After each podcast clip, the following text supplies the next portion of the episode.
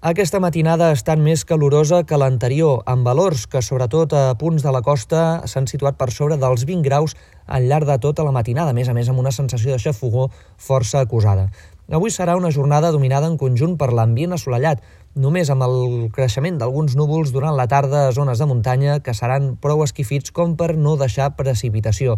La temperatura màxima serà semblant o fins i tot pujarà una mica més, especialment a punts del sector central del litoral i del prelitoral, amb molts valors que superaran els 30 graus, especialment a les comarques de l'interior. Demà arribarà un petit canvi de temps que no es notarà tot arreu, ara bé, sí que en algunes comarques. De fet, el matí serà tranquil i dominat pel cel bàsicament serè, però a partir de migdia creixeran nuvolades, sobretot a zones de muntanya, i de fet al llarg de la tarda s'espera que pugui haver-hi xàfecs localment acompanyats de tempesta i fins i tot de calamarsa, bàsicament al Pirineu, però també a punts del Prepirineu i al voltant de la zona dels ports. A més a més, també avançada la tarda o ja de cara al vespre, podria arribar algun ruixat per les comarques de Ponent. A la resta, fora d'aquests sectors, s'espera una tarda força tranquil·la, amb alguns núvols i amb una temperatura que, si fa no fa, es mantindrà semblant a la d'avui, per tant, altra vegada amb aquesta calor molt acusada durant les hores centrals de la jornada.